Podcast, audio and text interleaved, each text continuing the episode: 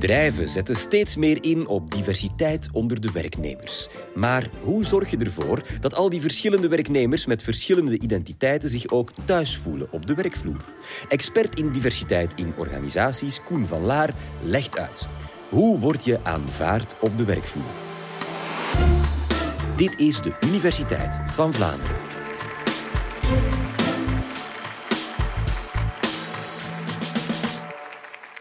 Jezelf zijn en aanvaard worden zoals je bent op het werk. Ik ga het hebben over waarom dat, dat belangrijk is. En waarom dat, dat belangrijk is, zowel voor werknemers als voor werkgevers. En ik benadruk hierbij enorm dat het hierbij moet gaan over dat iedereen zichzelf kan zijn op het werk. Uh, want ik bekijk dit thema vanuit het perspectief van uh, diversiteit en gelijke kansen op de arbeidsmarkt. En ja, misschien denken mensen, ja, gelijke kansen op de arbeidsmarkt gaat dan niet vooral over ja, bijvoorbeeld mensen met een, met een handicap of mensen met een uh, migratieachtergrond die met discriminatie te maken krijgen als ze op zoek zijn naar werk. Ja, daar gaat het om. Maar gelijke kansen op de arbeidsmarkt gaat ook over meer dan dat. Het gaat ook over kansen om je goed te voelen op het werk. Kansen om jezelf te zijn op het werk. Om aanvaard te worden zoals je bent op het werk. En ja, wat onder andere mijn onderzoek aantoont, is dat dat niet voor iedereen even evident is. Um, en ik ga hier um, een aantal inzichten um, bespreken die wij, uh, mijn collega's en ik in onze onderzoeksgroep aan de Universiteit Hasselt, geleerd hebben over uh, diversiteit op het werk, uh, dat wij bestuderen aan de hand van interviews, bijvoorbeeld met mensen die discriminatie ervaren op de arbeidsmarkt. Zoals personen met een migratieachtergrond, personen met een handicap, LGBTQI-werknemers. En een van de dingen die wij leren uit die honderden en honderden interviews die wij gedaan hebben, is het feit dat mensen uit deze groepen toch nog vaak worstelen met zichzelf zijn op het werk. Ik ga dat onmiddellijk illustreren aan de hand van twee voorbeelden uit die interviews. Een eerste is uh, het voorbeeld van Fatma. Fatma werkte in een administratieve functie, maar toen ze begon in die job werd ze onmiddellijk voor de keuze gesteld ofwel begin je in deze job, ofwel hou je je hoofddoek op. Met andere woorden, ze mocht alleen beginnen met werken zonder hoofddoek. Uiteindelijk, met pijn in het hart, besliste ze dan om elke ochtend haar hoofddoek af te nemen als ze begon met werken. Waarom? Ja, omdat ze het belangrijk vond om een inkomen te hebben voor haar kinderen. Maar elke dag vraagt ze zichzelf nog steeds af, ja, waarom mag ik als goede werknemer toch niet mezelf zijn op het werk? Een ander voorbeeld uit onze interviews is het voorbeeld van Sarah. Sarah is een transvrouw die bezig is met het coming out op het werk. En die, met andere woorden, steeds meer een vrouwelijke genderrol aanneemt. Zich bijvoorbeeld steeds vrouwelijker begint te kleden op het werk. Maar die daarbij constant aan het nadenken is van ja, hoe moet ik ervoor zorgen dat ik dit aanpak, zodat de kans dat mijn uh, collega's daar negatief op gaan reageren zo klein mogelijk is. Natuurlijk weet ze dat er nog heel veel transfobie is, ook op de arbeidsmarkt. En wat deze twee schijnbaar toch wel zeer verschillende voorbeelden met elkaar verbindt, ja, is het feit dat het dus gaat over mensen die ervaren dat ze niet zichzelf kunnen zijn of mogen zijn op het werk of niet aanvaard worden omwille, omwille van wie ze zijn. En ja, dit zijn maar twee illustraties. Uh, want dat soort voorbeelden komen we dus constant tegen in onze, in onze interviews, maar ook in het internationaal onderzoek. En natuurlijk een eerste vraag die je kan stellen is, waarom is dat een probleem? Wel, natuurlijk, vanuit het perspectief van het individu is dat een probleem, omdat als je jezelf niet kan zijn, als je niet aanvaard wordt, ja, dat dat een hele hoop emotionele, uh, psychologische consequenties heeft. Ja, en dat mensen gewoon minder tevreden zijn op het werk. Dat dat een negatief effect heeft op hun welzijn. En dat maakt het ook belangrijk voor werkgevers. Omdat natuurlijk uh, mensen gemotiveerder zullen gaan werken, beter zullen presteren op het werk, als ze zich goed voelen. En met andere woorden, Um, daarom wordt het ook belangrijk dat een, dat een organisatie erover gaat nadenken om zo optimaal gebruik te kunnen maken van al dat talent dat aanwezig op op de arbeidsmarkt. Want mensen die zichzelf niet goed voelen op het werk, ja, die zullen sneller vertrekken. Ze zullen sneller een andere werkgever gaan opzoeken. En natuurlijk, in de, in de huidige context um, wordt dat steeds belangrijker dat werkgevers daar aandacht aan besteden. Want het wordt gelukkig en terecht voor veel jongeren altijd maar belangrijker dat ze echt zichzelf kunnen zijn, ook op het werk.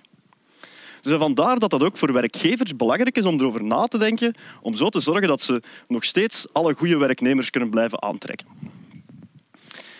Dan is natuurlijk de volgende vraag, oké, dus dat is een probleem, dat een probleem is voor zowel werkgevers als werknemers. Maar wat zijn dan de oorzaken van dat probleem? En ja, een van de belangrijke conclusies uit de hele literatuur rond ongelijke kansen op de arbeidsmarkt is natuurlijk dat mensen nog steeds niet alleen beoordeeld worden op basis van hun talenten, op basis van hun competenties, maar dat ze ook beoordeeld worden op basis van wie ze zijn. En dat mensen die als anders gezien worden, ja, dat die vaak negatiever behandeld worden. Bijvoorbeeld als anders gezien worden omdat ze een handicap hebben, omdat ze een migratieachtergrond hebben. En daarbij is het ook belangrijk om te weten dat er in organisaties op die arbeidsmarkt nog heel veel impliciete ideeën bestaan, die vaak heel onbewust, historisch gegroeid zijn over hoe mensen verwacht worden te zijn. Om als ergens normaal gezien te worden, of om als een ideale werknemer gezien te worden. En mensen die minder goed in dat plaatje passen, die zullen minder aanvaard worden en dus daardoor ook ja, vaak onder druk komen te staan om zich aan te passen aan dat plaatje. Bijvoorbeeld, um, wie is er competent om een bepaalde job uit te oefenen? Nog steeds zijn er bepaalde ideeën over het feit dat sommige jobs voor mannen zijn en andere jobs voor vrouwen.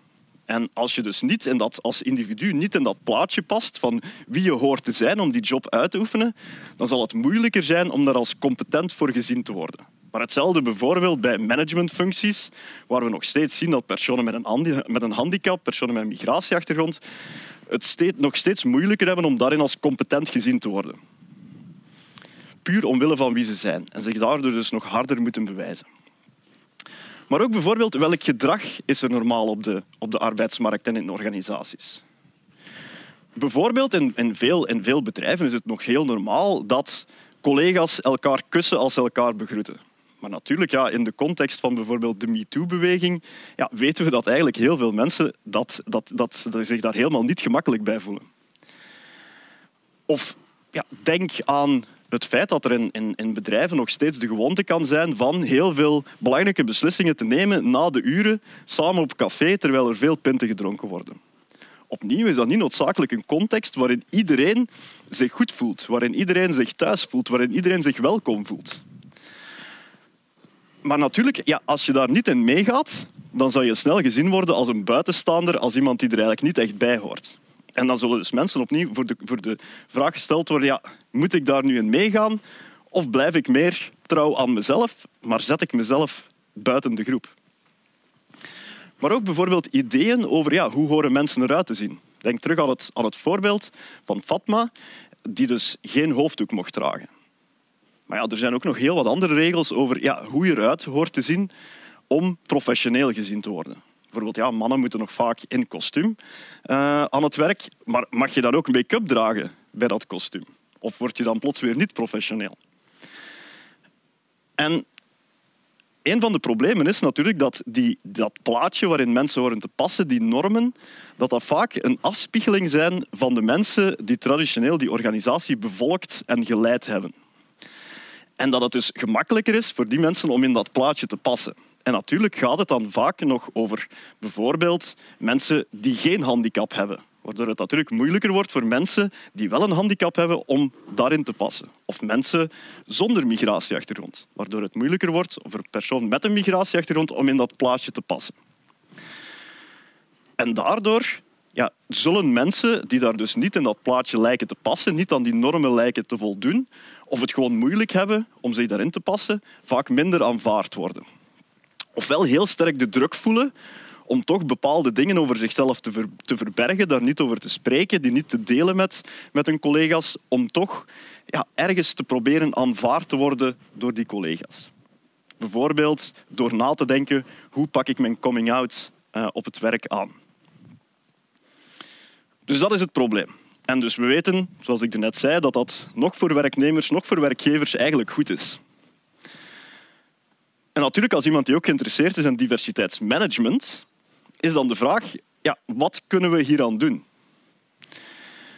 En uiteindelijk moeten we fundamenteel proberen evolueren naar organisaties die dus niet meer uh, geleid worden of, of, of gekarakteriseerd worden door dat soort enge normen, enge normen over wat normaal is en waarin mensen zich horen te passen, maar waarbij we dus naar, een, naar, een, naar, een, naar organisaties gaan uh, waarbij mensen meer de vrijheid hebben om echt zichzelf te zijn, zonder daarvoor negatieve consequenties te dragen.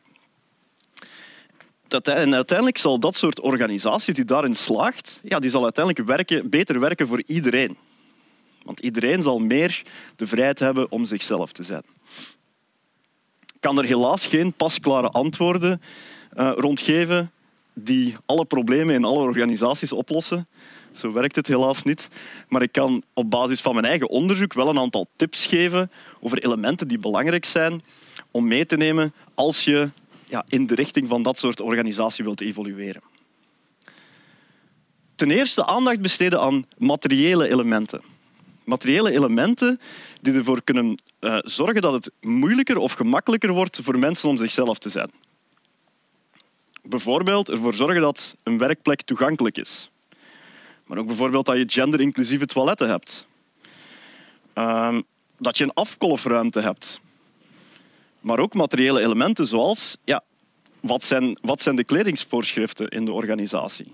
Hoe ziet mijn uniform eruit? Bijvoorbeeld opnieuw, we denken terug aan Fatma. Ja, in veel organisaties en in veel andere landen zien we dat organisaties zelfs religieuze symbolen in hun uniform incorporeren. Zodat mensen een uniform kunnen dragen, maar toch ondertussen zichzelf zijn. Denk bijvoorbeeld ook, een, een tweede belangrijk element is ja, de verschillende delen van het personeelsbeleid. Aanwerving, promotie, ervoor zorgen dat dat echt inclusie en diversiteit ondersteunt. Maar ook meer praktijken die ervoor zorgen dat mensen eigenlijk hun job, hun werk kunnen aanpassen aan wie ze zijn. Denk bijvoorbeeld aan ja, meer flexibele werkuren, die mensen in staat kunnen stellen om bijvoorbeeld hun, hun, werktijden beter af te stemmen op uh, hun gezinsleven, maar ook bijvoorbeeld op religieuze praktijken. Of wat hen in staat stelt om tijdens de werkdag naar de kinesist te gaan. Een derde belangrijk element is ja, dat als mensen inderdaad met discriminerende opmerkingen van collega's te maken krijgen, en dus ervaren dat ze niet aanvaard worden, ja, dat ze ergens terecht kunnen op een, uh, in, een organisatie.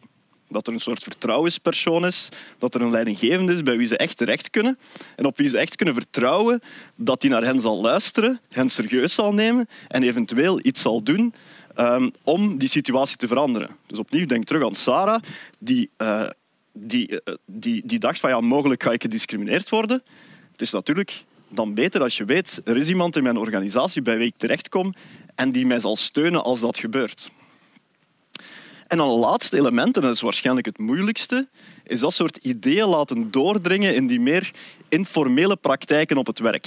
Denk terug aan het voorbeeld van het kussen bij het begroeten, het samen op café gaan. Maar ook daar kan je gaan nadenken over ja, hoe kan je elkaar gaan begroeten op een manier waar iedereen zich goed bij voelt. Of hoe kan je ervoor zorgen dat sociale events georganiseerd worden op een manier die uh, afgestemd is op mensen met kinderen, maar die ook toegankelijk is voor mensen met een, met een beperking, uh, maar die ook ja, rekening houden met verschillende voedingsvereisten van mensen. En dus op die manier gaan nadenken hoe, over hoe we ja, dingen die we traditioneel als normaal vonden, toch ergens in twijfel kunnen gaan trekken om er zo voor te zorgen dat het voor iedereen beter werkt. En dus als conclusie kunnen we dus zeggen, ja, het is dus het feit dat iedereen zichzelf kan zijn op het werk, dat is belangrijk voor werkgever en voor werknemer. Maar toch zien we dat er nog steeds geen gelijke kansen zijn om jezelf te zijn op het werk op dit moment. Wat dus betekent dat er nog steeds uh, werk weggelegd is voor organisaties.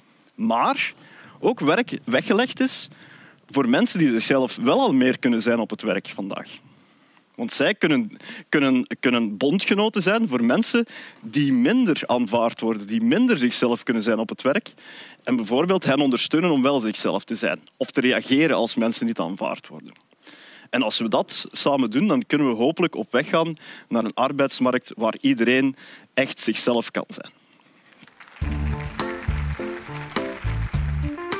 Jezelf zijn, je ware ik laten zien, is niet gemakkelijk. Wil je daarover meer weten? Luister dan zeker naar podcast nummer 397. Hoe kun je zijn wie je echt bent? Met gedragspsycholoog Erik Frank. Heel graag tot een volgende keer.